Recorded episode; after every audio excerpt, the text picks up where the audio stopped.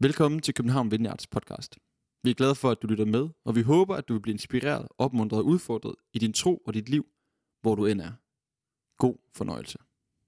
Der var engang en, der spurgte mig, er søndag den første dag i ugen, eller den sidste dag i ugen? Og jeg synes faktisk, det var et interessant spørgsmål.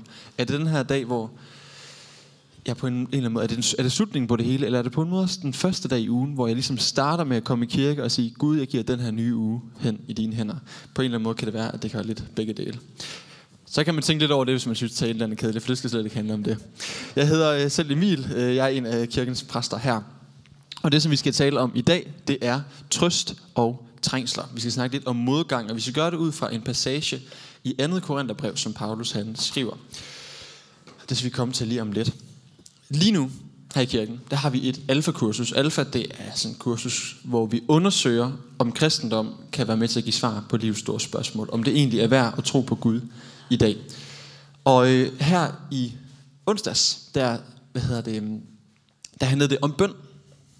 Det vi snakkede lidt om, hvad, hvad er bøn for noget? Hvad kan bøn egentlig for noget? Og noget af det, som vi kom til at snakke om, som jeg egentlig synes var meget interessant, det er, at når vi oplever, at vi beder, og Gud han ikke svarer, så kan det virkelig skabe et eller andet i os, som gør det svært at stole på Gud. Det gør virkelig noget ved vores tro, når vi oplever, at vi ikke føler, at Gud han svarer på de bønder, vi håber på, han skal svare på.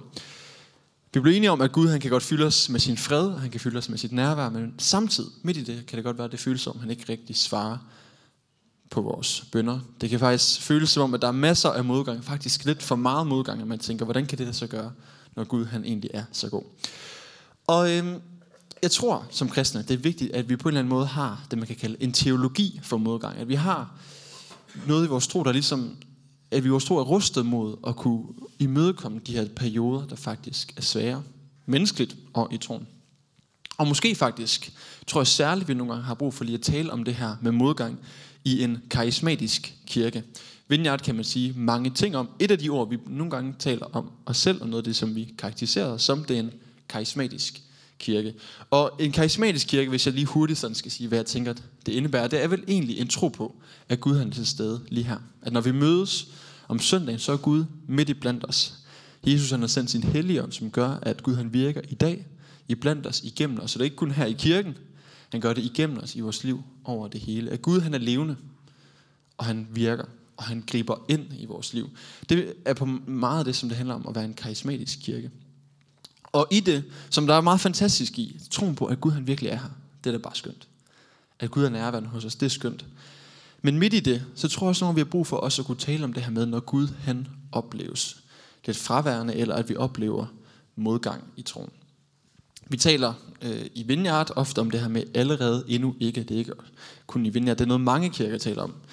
Om Guds rige som noget, der er her allerede, og som noget, der endnu ikke rigtigt er her. Når vi siger, at Guds rige allerede er her, så handler det om, at Guds frihed, den er kommet til os. Han, han kan virkelig sætte os fri. Vi kan bede til Gud, vi kan være i kontakt med ham, vi kan synge til Gud, vi kan være midt i hans nærvær. Fordi Jesus han har besejret det onde, han har vundet over døden på korset og opstået igen. Og han er her med sin helligånd. Guds rige er her allerede. Samtidig så siger vi, at Guds rige det er her endnu ikke. Der er noget, vi venter på. Og i den her det her stadie, vi er i, i verdenshistorien, det er et sted, hvor at der stadigvæk er synd og dårligdom, og fravær af Guds rige, og modgang. Ting, der ikke lige går, som vi ønsker det. Og når vi i fader, hvor beder den her bøn, komme dit rige, må dit rige ikke komme her, så rummer den på en eller anden måde begge aspekter, allerede og endnu ikke. At vi tror på, at Guds rige allerede er her, at det kan komme her. Gud, dit rige, det er lige her. Men kom med mere af det, fordi det endnu ikke helt er her fuldt ud. Og måske en vigtig pointe ja, i det hele her, det er at huske, at Guds rige, det er stadigvæk så nær, at Jesus han møder os midt i vores, trængsler, midt i vores trængsler. Jeg siger det lige igen. Guds rige er så nær, at Jesus han møder os midt i vores trængsler. Så sådan en teologi for modgang, den tror jeg faktisk er relevant for os alle sammen. Ikke kun for de af os, som står midt i en eller anden storm, midt i et eller andet svært. Der kan det være yderst relevant. Men jeg tror det også er relevant for os, som måske ikke lige oplever en hel masse modgang lige nu. Fordi modgang, det skal nok komme. Vi ved ikke helt, hvornår det kommer. Det kommer i forskellige bølger. Og måske vi kender nogen, højst sandsynligt, som lige nu oplever modgang. Nogen, som vi er tæt på, nogen som vi skal stå ved siden af, og der kan Gud bruge os til at bringe trøst til dem. Den tekst, som øh, jeg vil læse nu, det er øh, indledningen til andet Korintherbrev. Øh, og øh, jeg synes, det er meget interessant. Paulus han skriver virkelig ud fra en situation, hvor han har oplevet noget enormt svært, og det skal vi nok vende tilbage til øh, om lidt. Men det er sådan her, han indleder sit brev til, til menigheden i Korinth. Han siger, lovet være Gud, hvor Herre Jesu Kristi Fader, barmhjertighedens Fader og al trøsts Gud, som trøster os i al vores trængsel, så vi kan trøste alle dem, der er i trængsel, med den trøst, vi selv trøstes med af Gud. For ligesom Kristi lidelser i ritmål kommer til os, således kommer også den trøst, som Kristus giver i ritmål til os. Er vi i trængsler, er det for, at I kan trøstes og frelses. Får vi trøst, er det for, at I kan blive trøstet og være udholdende i de samme lidelser, som også vi udsættes for. Og det håb, vi har for jer, er fast. Fordi vi ved, at ligesom I har delt i lidelserne, således har I det også i trøsten. Om den trængsel, som ramte os i provinsen Asien, vil vi have, at I skal vide dette, brødre. Den var så tung, at det var langt mere, end vi kunne bære. Så vi endda opgav håbet om at bevare livet. Ja, vi havde fældet dødsdommen over os selv, for vi ikke længere skulle stole på os selv, men på Gud, som oprejser de døde. Ham var det, som friede os og befri os fra en så overhængende livsfare. Og vi har det håb til ham, at han også i fremtiden vil fri os. Ja, at han også i fremtiden vil fri os. I den øh, tekst her, der er det her ord trøst, jeg ved ikke, om I lader mærke til det, det optræder rigtig mange gange. Faktisk hele 10 gange talte jeg mig frem til, at Paulus bruger det her ord om at blive trøstet. Jeg ved ikke, hvad I, hvad I tænker på, når man hører det her ord trøst. Jeg forestiller mig måske en eller anden forældre, der tager sit lille barn op og, og trøster det. Det kan også være en, en ven, der kommer hen til en anden ven og, og lægger en arm om skulderen, eller, eller hvad end det kan være. Jeg ved ikke, hvad du tænker på, når du hører det her ord trøst. Men der er ingen tvivl om, for Paulus så er Gud trøstens Gud. Al trøst kommer fra Gud. 10 gange taler han om Guds trøst, men samtidig så taler han også om svære ting. Tre gange så nævner han det her med lidelse. Fire gange der nævner han at være midt i trængsel.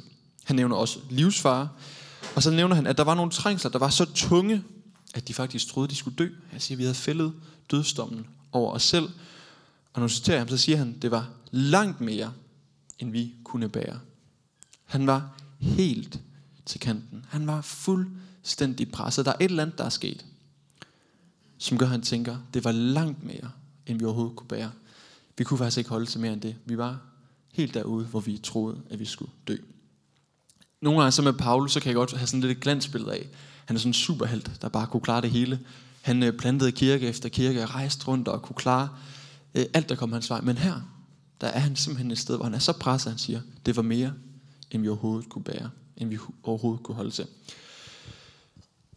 For lidt tid siden, for, nogle, for en måneds tid siden, der afsluttede vi en prædikenserie her i kirken om 1. Korintherbrev, som vi kørte igennem januar og februar måned. Og øh, det er det første brev, som Paulus han egentlig skriver til den her menighed i Korinth, som er den her øh, græske havneby. Og han har besøgt den, skriver første Korintherbrev, så øh, besøger han dem igen, og så tager han øh, tilbage til en anden by, og, og han er så øh, det her brev her, andet Korintherbrev, er skrevet, skrevet sådan cirka to til tre år efter, øh, at han skrev første Korintherbrev. Og noget, som jeg synes er meget interessant, det er, at de her to breve, selvom de er skrevet til den samme kirke, til de samme mennesker, så er de enormt forskellige. Hvis man øh, åbner dem og begynder at læse dem, så kan man simpelthen åbenlyst se, at skrivestilen den er helt forskellig. Det er helt forskellige måder, han skriver på. Andet Korintherbrev, det er sådan rodet og meget personligt. Det handler det rigtig meget om smerte gennem det at gå gennem svære tider. Mens at første Korintherbrev, det er sådan lidt mere sådan velkomponeret. Det er flot, han adresserer nogle forskellige ting i menigheden. Og andet Korintherbrev, selvom det er næsten lige så langt, så det, det er sådan rodet, og det er bare det er fyldt med trængsel, fyldt med smerte. Øh, man kan virkelig mærke, et eller andet er sket. Et eller andet dybt har ramt inde i Paulus' liv. Andet Korintherbrev, tror jeg fortæller om en mørk periode i Paulus' liv.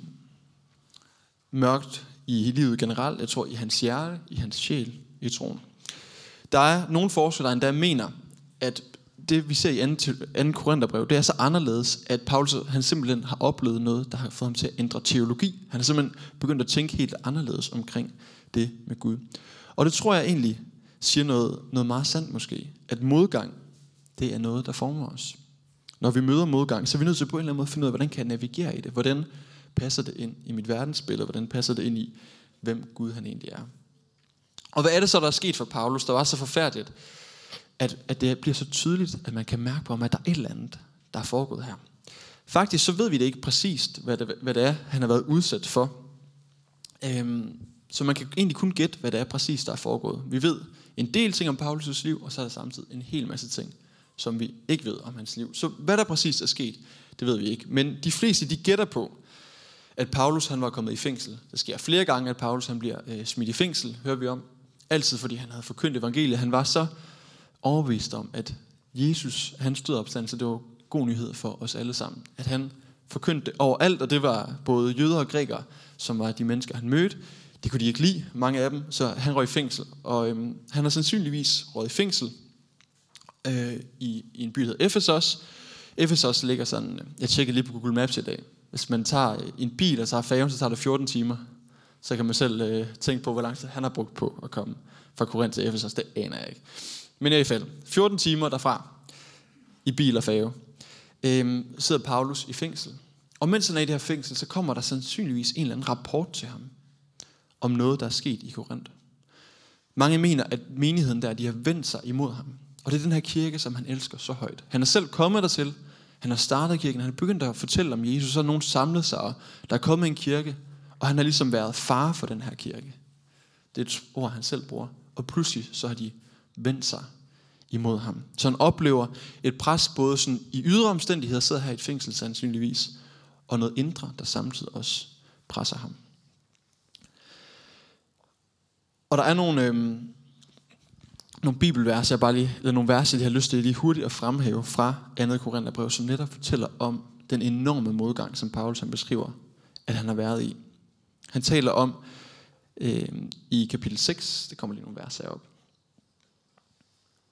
Yes, han taler om, hvordan at, øh, de har måttet vise stor udholdenhed under trængsler, nød, angst, pinsler, fængsel, uro, møje og besvær, søvnløse nætter og sult. Se, vi lever som tugtet, men ikke pin til døde, som bedrøvet, dog altid glade. Fattige, der går mange rige, som de, der intet har, dog ejer alt. Samtidig siger han senere, vi var på alle måder trængt. Og så siger han både udefra af strid og indenfra af frygt.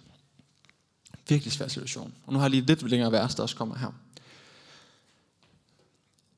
Han siger, jeg har slidt og slæbt, tit været i fængsel, fået slag i massevis. Jeg har været i livsfare mange gange. Af jøderne har jeg fået fem gange øh, 40 slag minus et. Jeg har fået pisk tre gange. Jeg er blevet stenet en gang, har lidt skibbrud tre gange. Jeg har drevet rundt på det åbne hav et helt døgn. Ofte på rejser, i fare på floder, i fare blandt røvere, i fare fra mit eget folk, i fare fra hedningerne, i fare i byer, i fare i ørkner, i fare på havet, i fare blandt de falske brødre. Jeg har arbejdet og slidt, ofte haft søvnløse nætter, lidt sult og tørst, ofte fastet, døjet kulde og manglet klæder. Hertil kommer det, som dagligt trykker mig, bekymringen for alle menighederne. Det er jo nogle helt vilde beskrivelser, Paulsen har af sit liv. Øhm, en mand, som havde givet sit liv hen for at følge Jesus. Alt det her måtte han gå igennem. Det er lidt af en jobbeskrivelse, ikke? Hvem, hvem vil lige have lyst til, hvis, hvis det, der blev skrevet, hvem vil uh, have det, være sådan en apostel, fortæller om Jesus, så er det det her, I skal være klar på. Hvem vil være klar? Jeg, jeg, jeg ved ikke, hvordan jeg vil reagere, hvis jeg så sådan en, en ærlig jobbeskrivelse. I ved, der findes den flotte jobbeskrivelse, og så findes der den beskrivelse for dem, der rent faktisk har lavet det, ikke? Det her det er den, der, den, det er den ægte vare. Hvordan vil arbejdstilsynet i dag sige om en mand, der har lavet det her? Vil vi nok ikke tilbyde ham måske en krisepsykolog, eller måske give ham, kræve en eller anden form for erstatning for det, som han har været udsat for, alle de her mange menigheder. Og alligevel, midt i alt det her, midt i alt det her, så siger han, det har ikke været uden betydning. Der er faktisk været noget godt midt i det hele. Gud, han har været midt i det hele. Og øhm, hvad kan vi egentlig lære af Paulus? Det er det næste spørgsmål, jeg gerne vil sige på. Hvad kan, hvad kan vi bruge det her til? når vi læser om hans store modgang og så videre. Jeg tror, der er forskellige ting, jeg har lyst til at, at fremhæve. Det første, jeg har lyst til at fremhæve, det er, at modgang, det møder enhver. Modgang møder os alle sammen. Ikke på samme måde, ikke i samme intensitet, men modgang, det møder enhver. Og Bibelen, den er netop fyldt med fortællinger om mennesker, der møder modgang. Man kan ikke komme udenom det. Paulus er mødt der om nogen modgang. Vi ser det også hos Jesus. Han mødte en hel masse modgang. Guds egen søn. Vi hører i Gamle Testamente, Gamle Testamente om Elias, som var profet, der mødte masser af modgang. Folk vendte sig for ham. Kong David mødte modgang. Han blev forfulgt ude i ørkenen.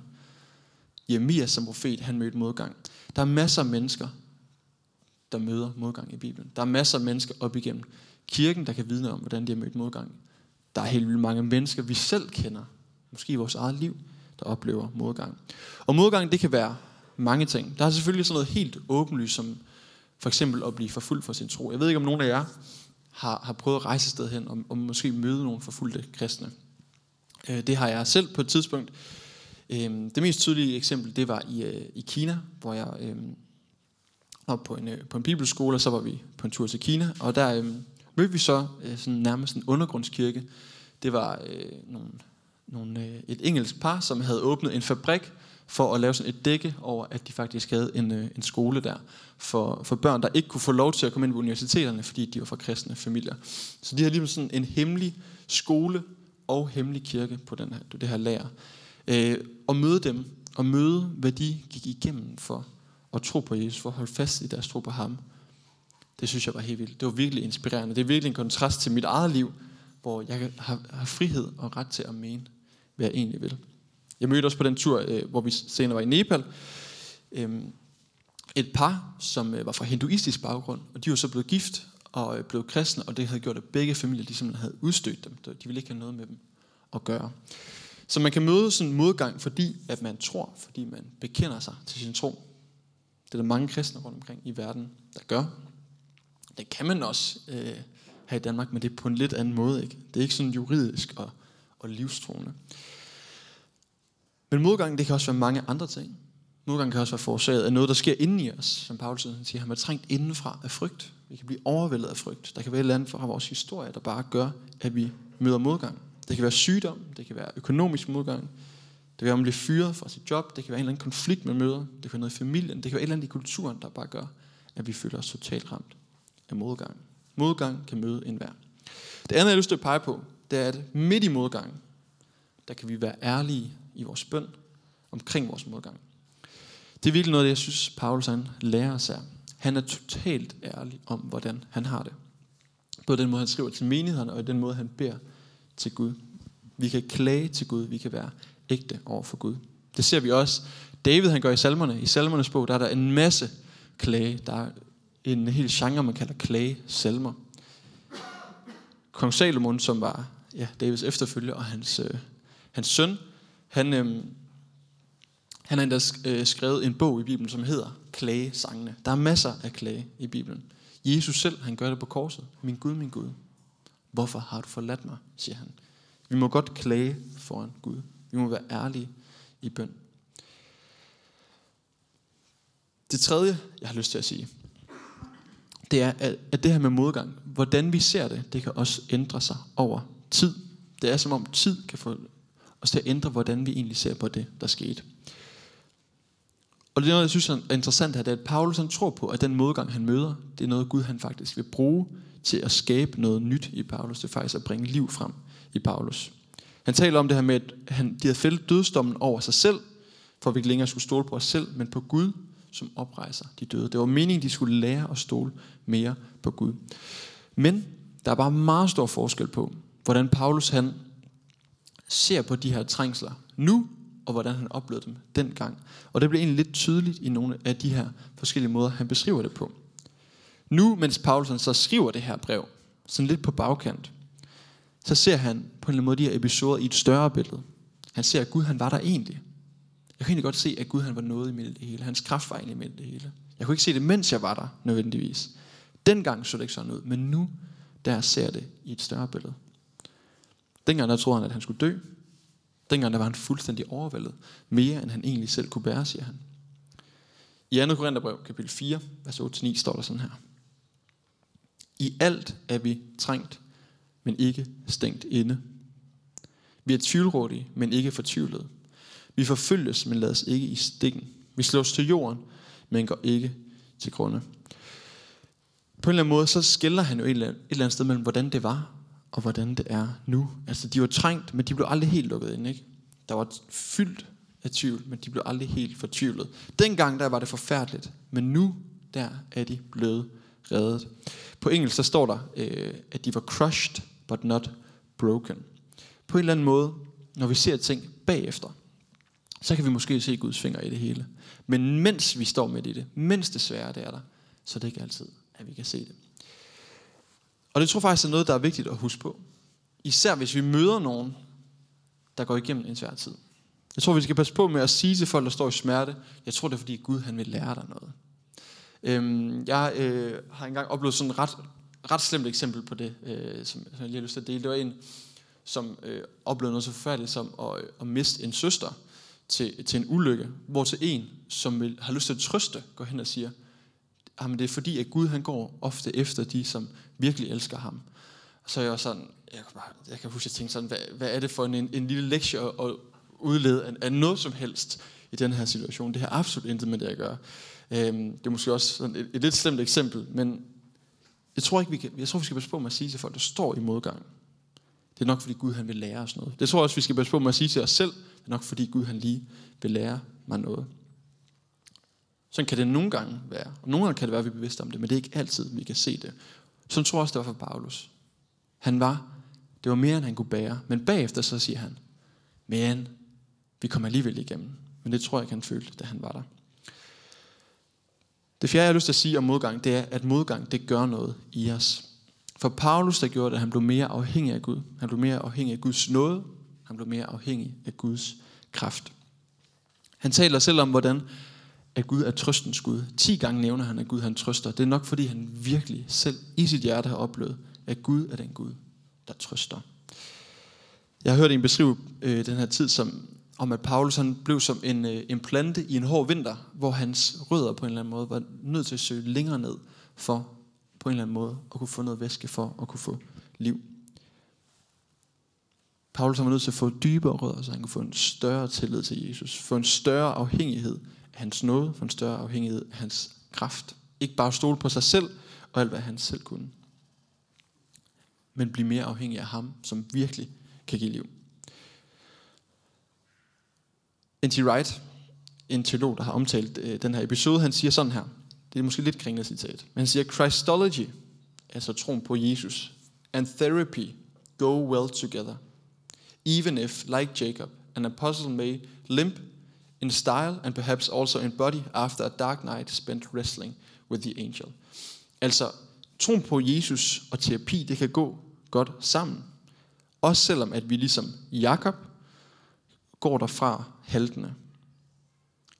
Efter en mørk nat, hvor vi har kæmpet med Guds engel. Det er sådan, i Gamle Testamentet, der er den her historie om, om Jakob, som, øh, som kæmper med en engel, og den her engel repræsenterer som Gud. Han slås med Gud og går faktisk såret derfra, men for ham bliver det også et minde om, at Gud er trofast.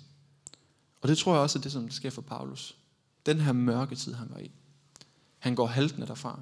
Han kommer, han kommer, det har forvandlet ham. Det har sat et eller andet i ham, som ikke bliver det samme igen. Men han er kommet tættere på Gud.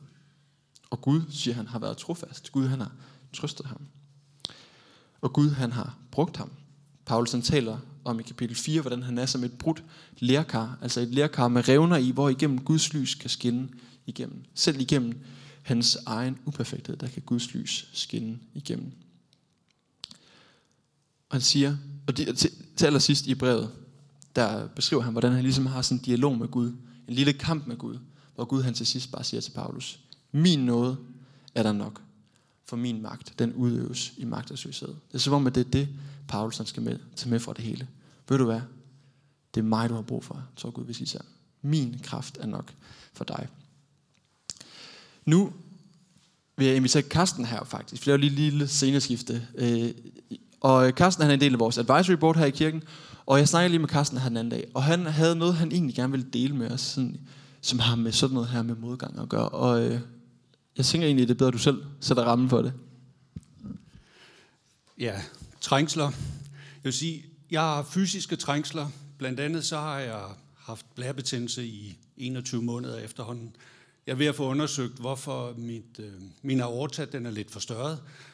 Og jeg vil sige, at de her ting, det er noget, der piller lag af. Det er noget, der, der gør mig mere afhængig af Gud. Men det er ikke det, jeg vil fortælle jer om lige nu og her. Så jeg har en verdensklasse mentor over i London, som jeg besøger hver 6. til 8. uge. Jeg besøgte ham her i januar, og da vi var ved at være færdige med at spise frokost, så siger han, hvad gør du, når vi er færdige her?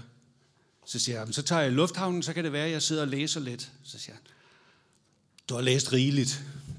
Du kunne i stedet for at prøve at tænke lidt over det her spørgsmål. Hvad er dit inderste, mest frygtede, undertrykte spørgsmål? Jeg tænkte, tak skal du have. Det, dit inderste, mest frygtede, undertrykte spørgsmål. Det tog mig egentlig ikke ret lang tid at finde frem til svaret. Det vidste jeg ret hurtigt. Og det er, og jeg ved, jeg bevæger mig meget i skyggen. Det er meget mere behageligt at være i skyggen, end at komme ud i lyset. Så mit svar var, hvad ville der ske, hvis jeg træder ud i lyset, og de for mig betydende personer afviser mig? Jeg sad og fik tårer i øjnene i loungen i Gatwick. Det var ikke sådan specielt behageligt, men det gjorde jeg nu engang.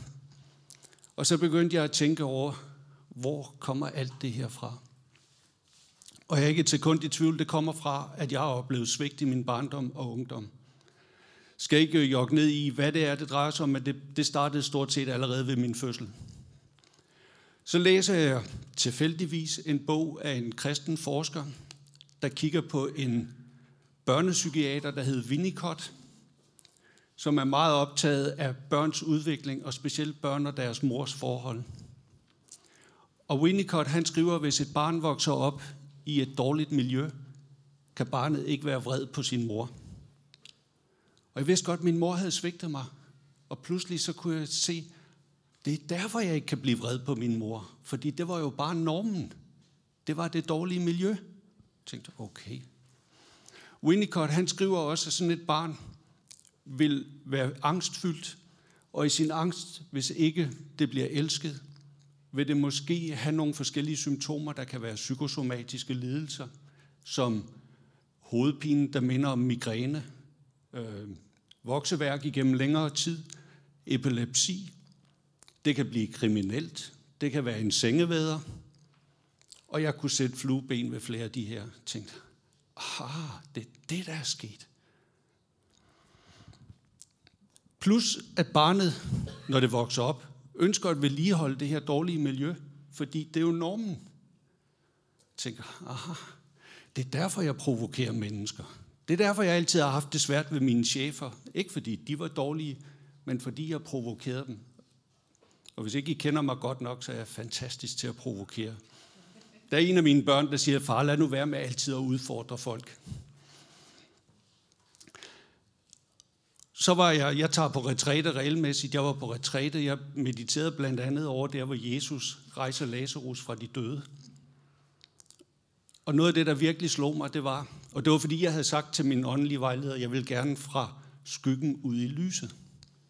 Lazarus skal selv, Jesus kalder bare på ham, siger, kom, Lazarus skal selv bevæge sig fra grotten og ud. Lazarus er stadigvæk viklet ind i en masse strimler. Han har klæde over hovedet. Det er besværligt at komme ud. Og tro mig, det er ikke nemt at stå her. Jeg, det her det er unfinished business i øvrigt. Jeg er ikke nået i mål endnu. Jeg kan normalt godt lide at præsentere noget, hvor jeg har fundet svaret. Det har jeg ikke. Men Lazarus bevæger sig ud, og så står der, og det havde jeg aldrig set før, at så er det faktisk folk omkring ham, der vikler klæderne af ham. Og så tænker jeg, okay, så det er jo det stik modsatte af, hvad du normalt ville gøre. Jeg ville trække mig ind i mig selv og sige, okay Gud, lad os to finde ud af det. Men faktisk skal min helbredelse komme i fællesskabet.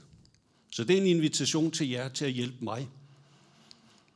Men jeg læste også i 2. Korintherbrev, og det var derfor Emil og jeg Emil bad for mig i søndags, og vi talte om det her, og jeg sagde, at jeg har følelsen af, og jeg har jo også oplevelsen, fordi jeg har delt den her historie med flere folk, fordi jeg ved, det er nødt til. Og en sagde til mig, det resonerer så godt med, hvad du fortæller. Min far døde, da jeg var 11 måneder gammel. Min mor var ude af sig selv, hun kunne ikke tage sig af mig. Og jeg kan genkende mig selv i noget af din historie.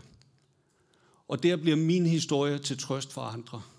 Så jeg har to formål her. Den ene, det er rent egoistisk, og den anden, det er at ofre noget trøst til dem, som det her det måtte ramme. Tak skal du have, Carsten. Lad os da lige sige tak for det. Tak for det, du deler. Jeg tror, at Jesus han har lyst til at møde os. Karsten nævner, hvordan at det kan se ud i vores liv. Vi møder det her med modgang. Jeg tror, det sætter forskellige ting i gang hos os alle sammen. Der er måske forskellige film, der begynder at spille op i hovedet på forskellige af os, når vi hører ordet modgang.